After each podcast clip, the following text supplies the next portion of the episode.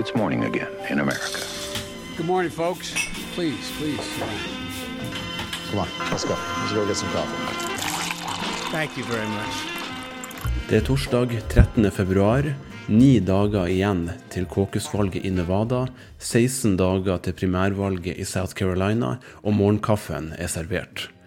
Dagens første sak er at valgresultatet i New Hampshire er enda mer eh, klart. Sluttresultatet er at Bernie Sanders vant med 25,7% av stemmene. Pete Buttigieg fikk 24,4, altså 1,3 prosentpoeng bak, mens Amy Klobuchar endte på 19,8% en gladnyhet for Det demokratiske partiet er at valgdeltagelsen satte ny rekord. Rundt 290 000 velgere avga sine stemmer i tirsdagens valg. Det står altså da rekorden fra 2008, da både Hillary Clinton og Barack Obama sto på valgseddelen. I kampen om å få flest delegater til demokratene sitt landsmøte leder nå Pete Buttigieg med 23 delegater. Bernie Sanders har 21, Elizabeth Warren 8, Amy Klobuchar 7 og Joe Biden 6. Det trengs rundt 1990 delegater for å få flertall, og på 538 Eh, har man en prognose som viser at det nå er uavgjort mellom Bernie Sanders og ingen av kandidatene når det gjelder å ha størst sjanse til å få et flertall av delegatene på landsmøtet. Begge har 36% sjanse, mens Joe Biden er på tredjeplass med 17% sjanse.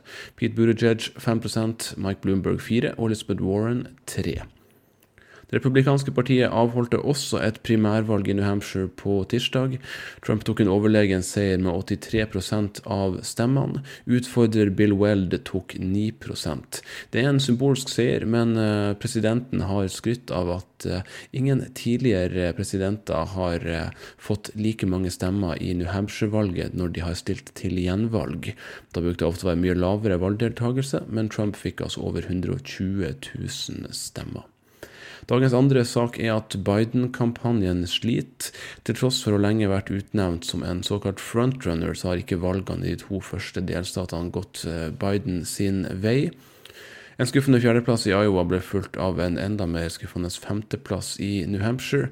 Kandidaten sjøl deltok ikke på sin egen valgvake, og dro heller til South Carolina for å holde et valgkamparrangement. Neste ut er Nevada 22.2.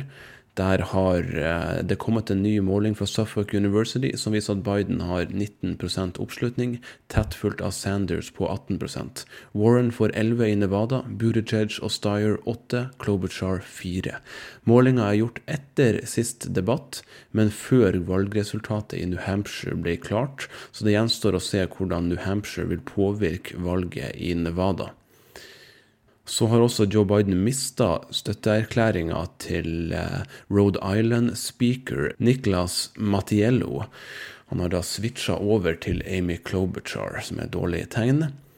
Dagens tredje sak er at Val Patrick offisielt er ute av nominasjonskampen.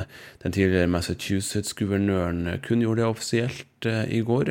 Han tok 0,4 eh, av stemmene i New Hampshire. Han klarte ikke å få noe vind i seilene eller å kvalifisere til noen av debattene. Han klarte heller ikke å plukke opp støtte på noen målinger.